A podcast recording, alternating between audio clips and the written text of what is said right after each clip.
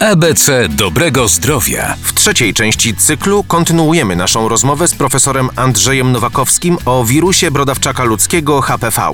Dlaczego jest on groźny dla zdrowia? Pytamy profesora Andrzeja Nowakowskiego. Panie profesorze, szczepić powinny się tylko kobiety. Fakt czy mit? Nie jest to mit. Największym problemem związanym z HPV jest faktycznie rak szyjki macicy, czyli choroba występująca wyłącznie u kobiet. Jest to 90% skutków nowotworowych, ale jest szereg chorób rzadszych i w mniejszy sposób związanych z HPV, które występują u obu płci. Stąd absolutnie najlepsze efekty możemy uzyskać wtedy, jeśli będziemy y, szczepić szeroko całą populację, zarówno dziewcząt, jak i nastoletnich chłopców. A jakie badania przesiewowe powinno się wykonywać w kierunku wykrycia wirusa HPV?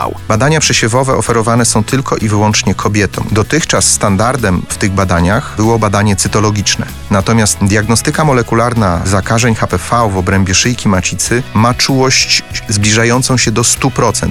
Te badania oferujemy głównie po 30 roku życia. Kampania społeczna Planuje Długie Życie, realizowana w ramach Narodowej Strategii Onkologicznej we współpracy z Ministrem Zdrowia.